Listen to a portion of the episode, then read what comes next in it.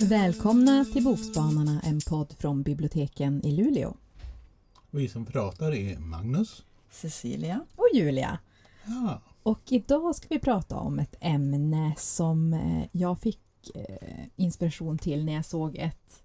Jag lyssnade på ett samtal från årets Littfest i Umeå med författarna Elin Kullhed och Ida Terén. Och de hade ett samtal med Helena Fagertun och då diskuterade de exofiktion. exo.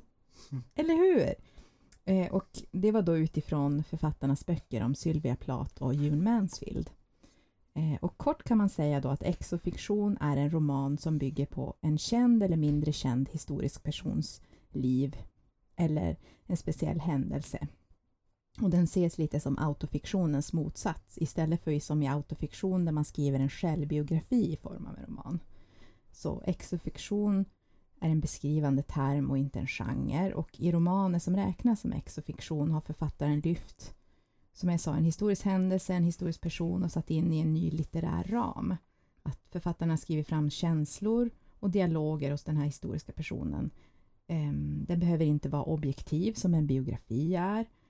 Det är ju inte självbiografiskt. Språket är viktigt och formen kan vara lite experimentell.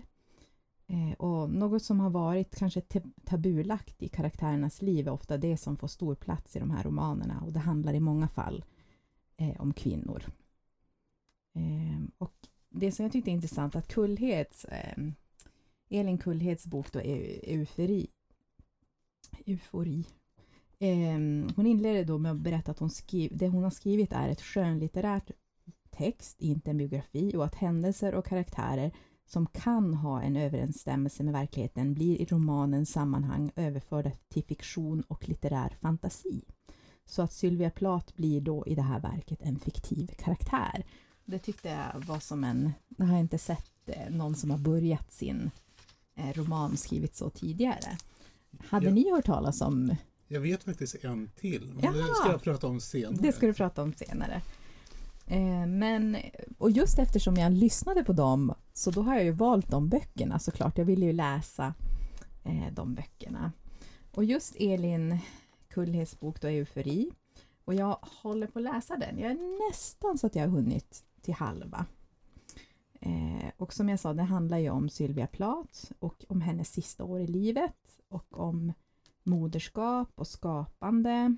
Och det är en väldigt driv i den här texten som gör att man vill fortsätta läsa. Och den börjar då med att eh, Sylvia ger sju skäl att inte dö. Får man då höra. Och sen så hoppar det då tillbaka ett år Eh, och beskriver hur livet såg ut då. Då är Sylvia höggravid med sitt andra barn. Hon bor då med sin man Ted och dottern eh, Frida eh, som är kanske två år på landsbygden i Devon. Och då har det, kn- har det lite knapert och hon får ingen tid att skriva. Hon känner att hennes mans skapande och vilja får gå före hennes. Eh, hon ser det som att hennes eh, skrivande ger henne existensberättigande och vem är hon när hon inte kan skriva? När hon blir eh, refuserad bland annat för en, en novell som hon har skickat in. Eh, och eh, Elin Kullhed vann ju Augustpriset med den här romanen 2021.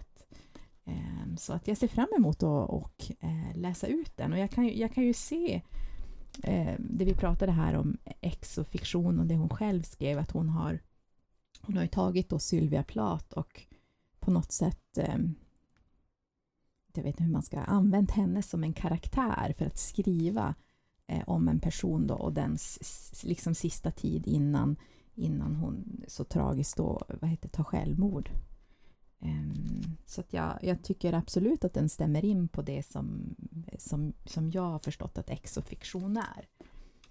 Eh, och sen har jag ju även läst Eh, att omfamna ett vattenfall av Ida Terén och den kom 2020. Och i det här fallet då har ju Ida Terén skrivit fram June Mansfield och hennes liv. Och June Mansfield är mest känd som författaren Henry Millers andra fru. Han använde henne och deras relation som inspiration för sin, många av sina böcker. Och hon är även känd från Anais Nins tidiga dagböcker. Eh, för Nin hade då en relation till Henry Miller och även då till June, så hon finns med där. Och eh, i romanen, då får man höra att romanens June är inte alls nöjd med hur hon beskrivs i de här böckerna. Hon har planer då på att skriva sin egen biografi, men det sker ju aldrig. Så vi får följa June i början av 1900-talet, eh, från när hon och hennes judisk-rumänska familj emigrerar eh, till New York för drömmen om ett bättre liv, hur hennes namn ändrades från Juliette Smart till Julia Smith vid ankomsten vid Ellis Island och hur hon får då sitt tagna namn när hon börjar arbeta i danshallarna som då blev June Mansfield eller June Smith som hon också kallade sig. Och det var ju där vid 21 års ålder hon träffade då 10 år äldre Henry Miller. Eh, de gifter sig, har ett omtumlande äktenskap där hon får försörja honom i många omgångar när han ska kunna skriva. Men vem var June Mansfield? Det finns ju inte jättemycket känt om henne som hon själv har. Så då är det ju intressant då att Ida Terén, hon gör den här tolkningen av henne. Ehm, att June Mansfield är en kvinna som vill leva utanför normen, en kvinna som vill leva på sina villkor, en sökare som letar efter någonting. Ehm, hon vill göra vardagen till något större. Ehm, ett konstverk av ett liv uttrycks det i boken. Ehm, så då kan man ju undra, är hon något mer än en femme fatale, en vacker manipulativ kvinna som lever för drama, eh, som hon har beskrivits liksom av Miller och Nin i deras böcker. Och det är ändå som ett tragiskt livsöde vi får följa. Eh, och man kan ju ställa sig frågan, måste man förnedra sig för att kunna leva eh, på sin konst? Måste man förnedra sig eller måste man förnedra någon annan för att kunna göra liksom konst? Eh, I den här boken får vi också följa en annan kvinna i nutid som inte har något namn. En som funderar på att skriva eller har läst mycket om June Mansfield. Och hon väntar på tecken vad hon ska göra med sitt liv. Det är som att hon åker mellan olika platser och har relationer med olika män, olika destruktiva relationer. Och hennes liv speglas i Junes. Och det här med svårigheten att skriva någon annans liv. Och, och det här med att kanske inte har ändrats så mycket för kvinnor. Om man vill leva utanför normen så ses man, så ses man inte liksom som någonting bra. Men det av, eh, de avsnitten tyckte jag inte var lika starka som de som handlar liksom June, om June Mansfield själv. Så att, eh, men jag tyckte ändå det var intressant om ett spännande öde och, och, nu blir jag lite så här, kanske man skulle läsa Henry Miller och Nice Nin och se liksom deras bild av, eh, av June.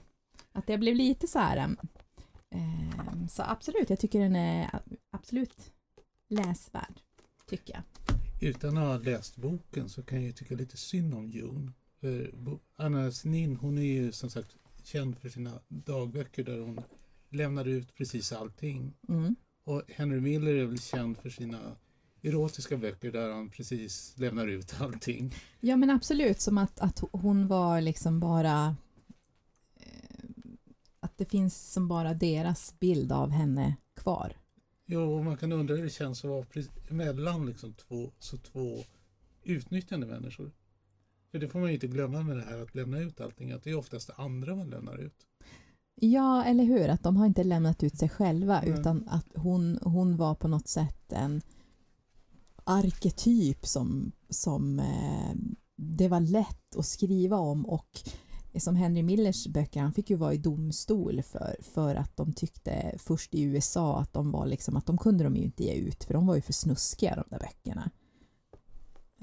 Eh, kan ni se någon fara med det här eh, med den här genren exofiktion? Jag tänker att om man inte bryr sig någonting om fakta om de här personerna utan man går direkt på de här eh, fiktionsböckerna om dem och sen tror man att det är sanningen alena. Ja, nej men jag tror just eh, Ida Terén, hon pratar mycket om det här samtalet jag lyssnade med henne. Hon verkar ju verkligen ha forskat och försökt ta reda på så mycket eh, det finns. Men det är ju klart om man tar en historisk person eller historisk händelse och skriver in känslor i dem, alltså man kanske har ra ramen kvar av vad som hände. Eh, det är ju klart att jag tror inte man ska göra det om någon nu levande person, känner jag. Alltså om man använder en historisk person som en arketyp till exempel för att skriva för att på något sätt göra eh, gör, säga någonting om samhället idag eller samhället då, då känner jag det kan man väl göra, men jag tror inte man ska skriva någonting om någon nu levande person. Samtidigt finns det ju ett problem med biografigenren. Alltså, jag gillar sådana här trashiga popbiografier. Eh, Och det är oftast människor som är väldigt attention seeking, som befinner sig i, i en svacka, alltså deras karriär är egentligen över. Och så får de en spökskrivare. Och man märker ju liksom hur de berättar. Och ju längre in i, de kommer i boken så måste de liksom berätta mer och mer för att hålla spökskrivarens. Eller om de blir liksom hetsade av spökskrivaren. Du tänker att de på något, på något sätt ska dra, dra av sig huden? På ja, något sätt, alltså man märker, att... man märker ofta liksom att folk går nog över gränser. Att de berättar saker som de inte hade tänkt berätta. Eller som de kanske inte inser liksom, vad som säger om dem. Ja. Så då kan jag känna att det här med exofiktionen, det är ganska tryggt ändå. I och med att det är fiktivt så är det ju inte det blir lite som sådana här filmer där de säger inget djur skadades vid inspelandet av detta film. Alltså jag kan uppleva många biografier att, alltså att de går för långt. Alltså det, jo, jag förstår hur du menar. Mer exploaterande. Absolut. Även om de kan vara väldigt underhållande att läsa, säger mitt svarta hjärta. Absolut. Men vad har du med dig för bok, Magnus? Ja, jag har faktiskt med mig en bok av Magnus Uggla, Johnny the Fucker. Och det har jag faktiskt inte valt bara för att jag ska få säga fuck i podd. Och då kan man ju undra varför har jag med honom? Och han har en sån här liten inledning som ni kommer känna igen.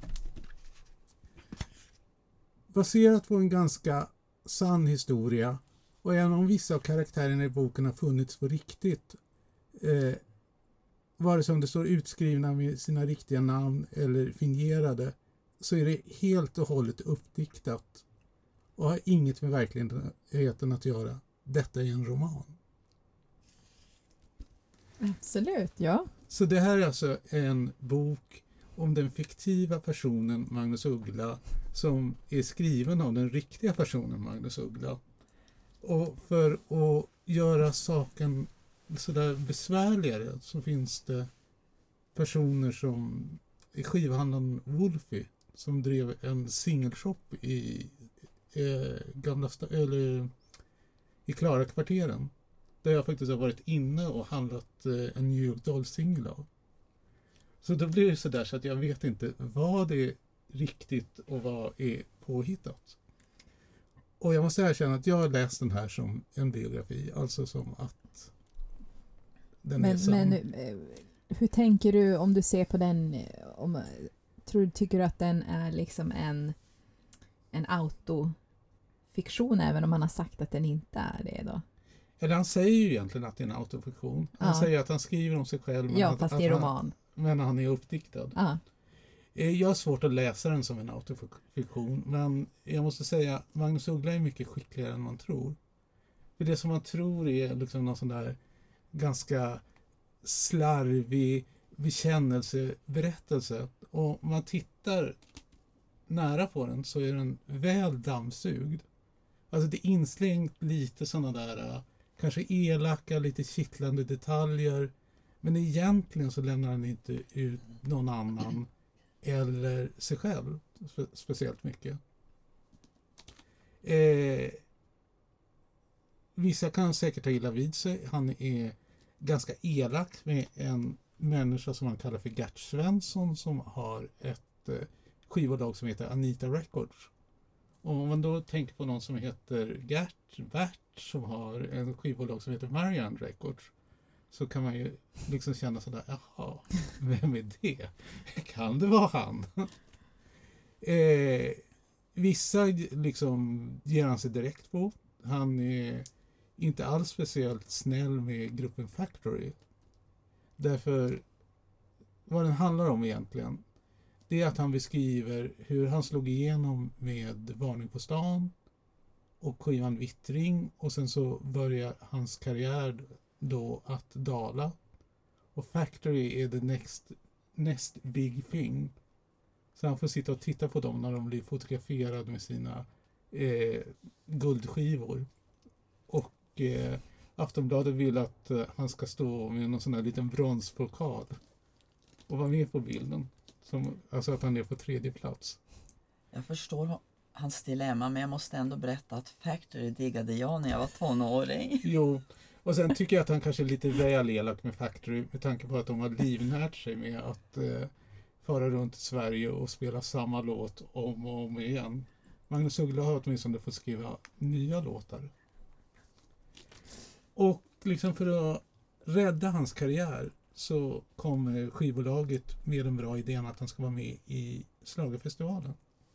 Och då ställer han upp då med låten eh, Johnny eh, Rocker. Ja, Johnny the Rocker heter Nej, den. den heter Johnny Rocker. Johnny. Rocky, okej. Och alla, det här vet jag inte sant, men han beskriver hur alla tittar på honom och säger, säger en låt som heter Johnny Rotten. och då känner jag, varför gjorde han inte det? Det hade varit mycket mer intresserad i Schlagerfestivalen. Men just det att den blandas ihop med Johnny Rotten så ändrar de till Johnny the Rotter, eller Johnny the Rocker. Nu tappar jag bort mig här. Vilket han själv då eh, ändrar till Johnny the Fucker. Jag fattar aldrig riktigt det, men det var väldigt fräckt. Eh, jag misstänker att han kanske konsumerar ganska mycket alkohol under en period eller inte var så mogen.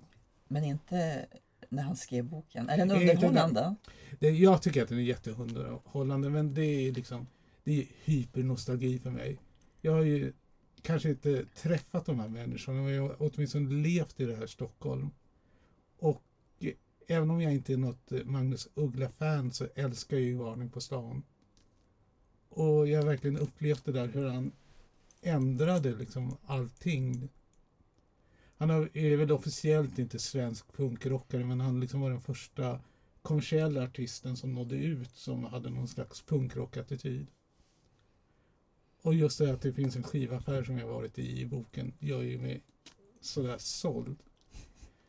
Och sen det roliga är ju, alltså det här är ju ett sånt där eh, allkonstverk för man läser boken, sen måste man ju googla liksom på alla personerna, dels de som har pseudonymer och de som man faktiskt eh, kan identifiera direkt. Eh, men framförallt så måste man ju lyssna på Spotify. Och det är ju då eh, Factory, Efter plugget, det är Magnum Bonum. Eh, med den där låten som är refrängen ner, ner för backen ner som heter något helt annat. Och jag är ju så fånig så jag blir sådär så Kommer ni ihåg den här hemska? Och så måste jag lyssna på den tre gånger i rad. eh, men den kulminerar ju då med hans framträdande i Schlagerfestivalen där han kommer på sista plats. Eller kom på sista plats. Och hur många runt honom, även om de blir jättebesviken, konstaterar att det faktiskt var det bästa som kunde hända honom. Och det är kanske sant. För med hjälp av den där sista platsen så lyckades han ju bygga en karriär. Han gjorde en succéturné och framförallt så nådde han ju alla de människor som föraktar eh, Schlagerfestivalen. Eh, jag tycker som sagt att boken är jättebra. Jag är pra- partisk. Jag har inte läst den som en eh, roman. Jag läser den som 100% fakta, vilket jag tror att eh, är att lura sig lite själv. För som sagt, Magnus Uggla han vet vad han gör. Så jag tror inte att han har gått över några gränser. Jag tror inte att han har lämnat ut något som han inte vill lämna ut. Eh, när jag läste att det var en roman och det var rock'n'roll då tänkte jag mer att den skulle vara som Velvet Goldmine om ni har sett den. Det är en sån där sminkrockfilm eller glamrockfilm med eh, män som ser ut som en korsning mellan Mark Bolan och David Bowie som förälskar sig i andra män som ser ut som en korsning mellan Iggy Pop och eh, Kurt Cobain. Eh, det är den faktiskt inte. Det är inga svarta nagellack, det är inga platåskor, det är ingen rockdekadans. Men för den som var med så är det en nostalgitripp. Vet ni att jag, jag har läst en romantisk feelgood Oh, med historiska inslag. fel, Eh. fel avsnitt, fel avsnitt. eh, som heter Gustav Eiffel och kärleken eh, av Nicolas Estienne Orve, fransman, fransk författare och journalist. Och på, tem på temat exofiktion så är det här alltså en bok om mannen som Eh, för alltid kommer att eh, vara ihågkommen som han som eh, var designen bakom Eiffeltornet i Paris, bara en sån sak. Och den verkliga Gustav Eiffel, han föddes 1832 och han blev nästan 100 år. Han avled 1923 i Paris. Och eh, var ju då naturligtvis en framgångsrik ingenjör, arkitekt och specialist på metallkonstruktioner. Och inför världsutställningen 1889, då han förresten några år tidigare hade han eh, varit med och färdigställt Frihetsgudinnan, eh, så kommer han då på den här eh, fantastiska idén om att bygga ett torn. Och i boken så beskrivs det så här.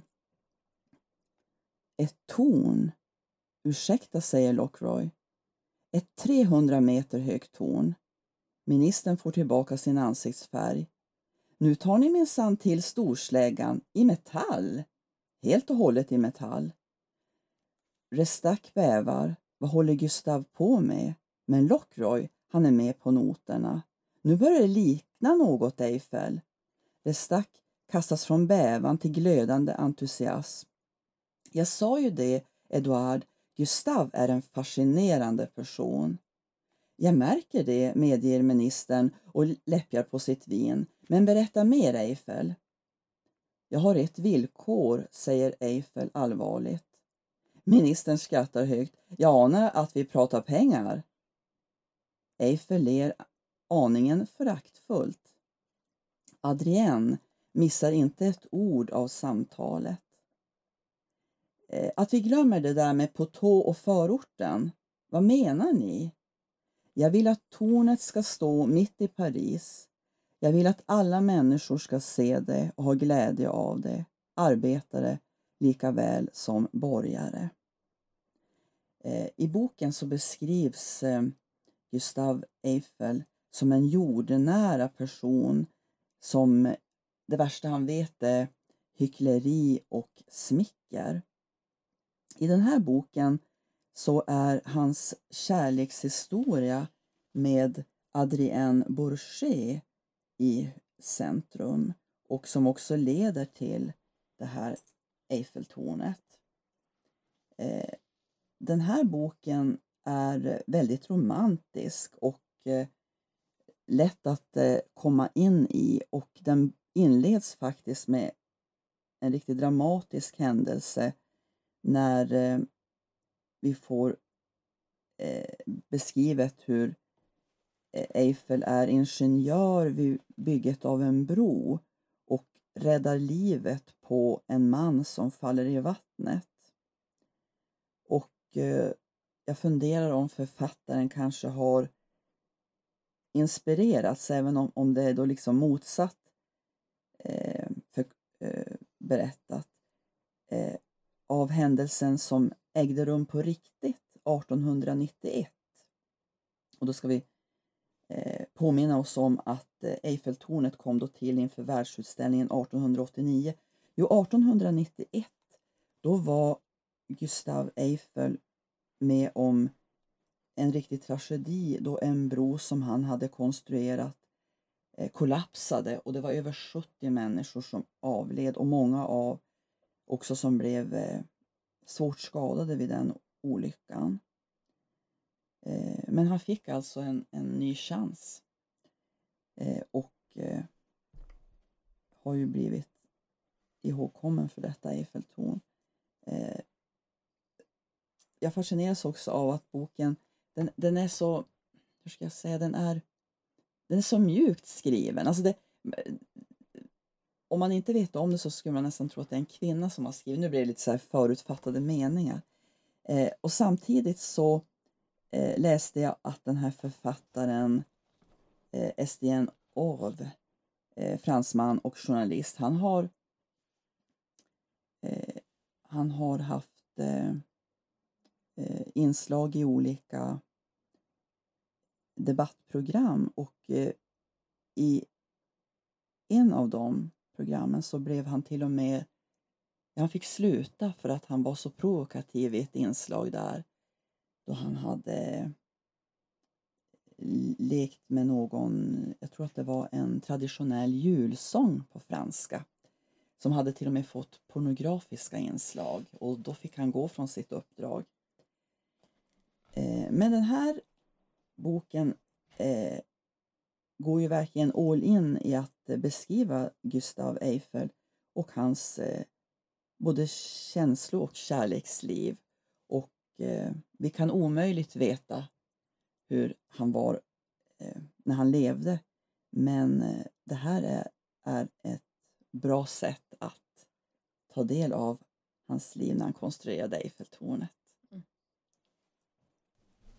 Ja, det, Eiffeltornet är ju en så ikonisk Ja, byggnad. verkligen. Jo. Så det är ju, kan ju verkligen intressant att få höra bak, bakgrunden. jo.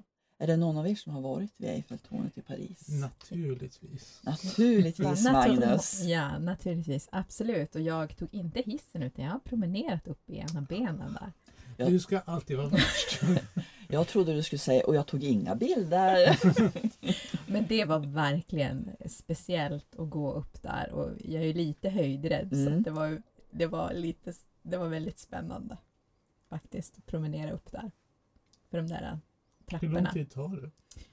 Det kommer jag faktiskt inte ihåg men det tog en stund. Ska det gjorde det. Men det kan jag verkligen rekommendera. Det är ju en upplevelse i sig bara att gå i de där trapporna upp dit. Jag åkte hiss med armvågande ryssar. Jaha. Det är en upplevelse det också. Ja. Vi, det var så lång kö så då tänkte jag mina, vad heter det, då, då tog vi trapporna istället för Mm. då behövde vi inte stå i kö. Det kan väl tänkas att många av, i alla fall några av våra lyssnare idag inte kände till så mycket om den här genren exofiktion. Så nu, har de, nu får ni veta mer ni som lyssnar. Absolut, och det verkar ju vara någonting som kommer med nu när jag har googlat runt lite och så verkar det vara en stor, eh, många eh, danska författare som kommer med eh, eh, romaner som har liksom ett sånt upplägg. Så förhoppningsvis kommer det fler, fler typ, för jag tycker att det är en intressant handgrepp, eller ett intressant sätt att göra det på. Det är det. Men då kan jag ju berätta att jag tipsar om att omfamna ett vattenfall av Ida Terén och Eufori av Elin Kullhed. Och jag tipsade om Magnus Uggla, Johnny the Fucker. Och jag tipsade om Gustav Eiffel och kärleken av Nicolas Estienne Orv. Så, tack så mycket. Ja, Blir det hej då för denna gången? mm. hej då. Hej då! Hej hej! Du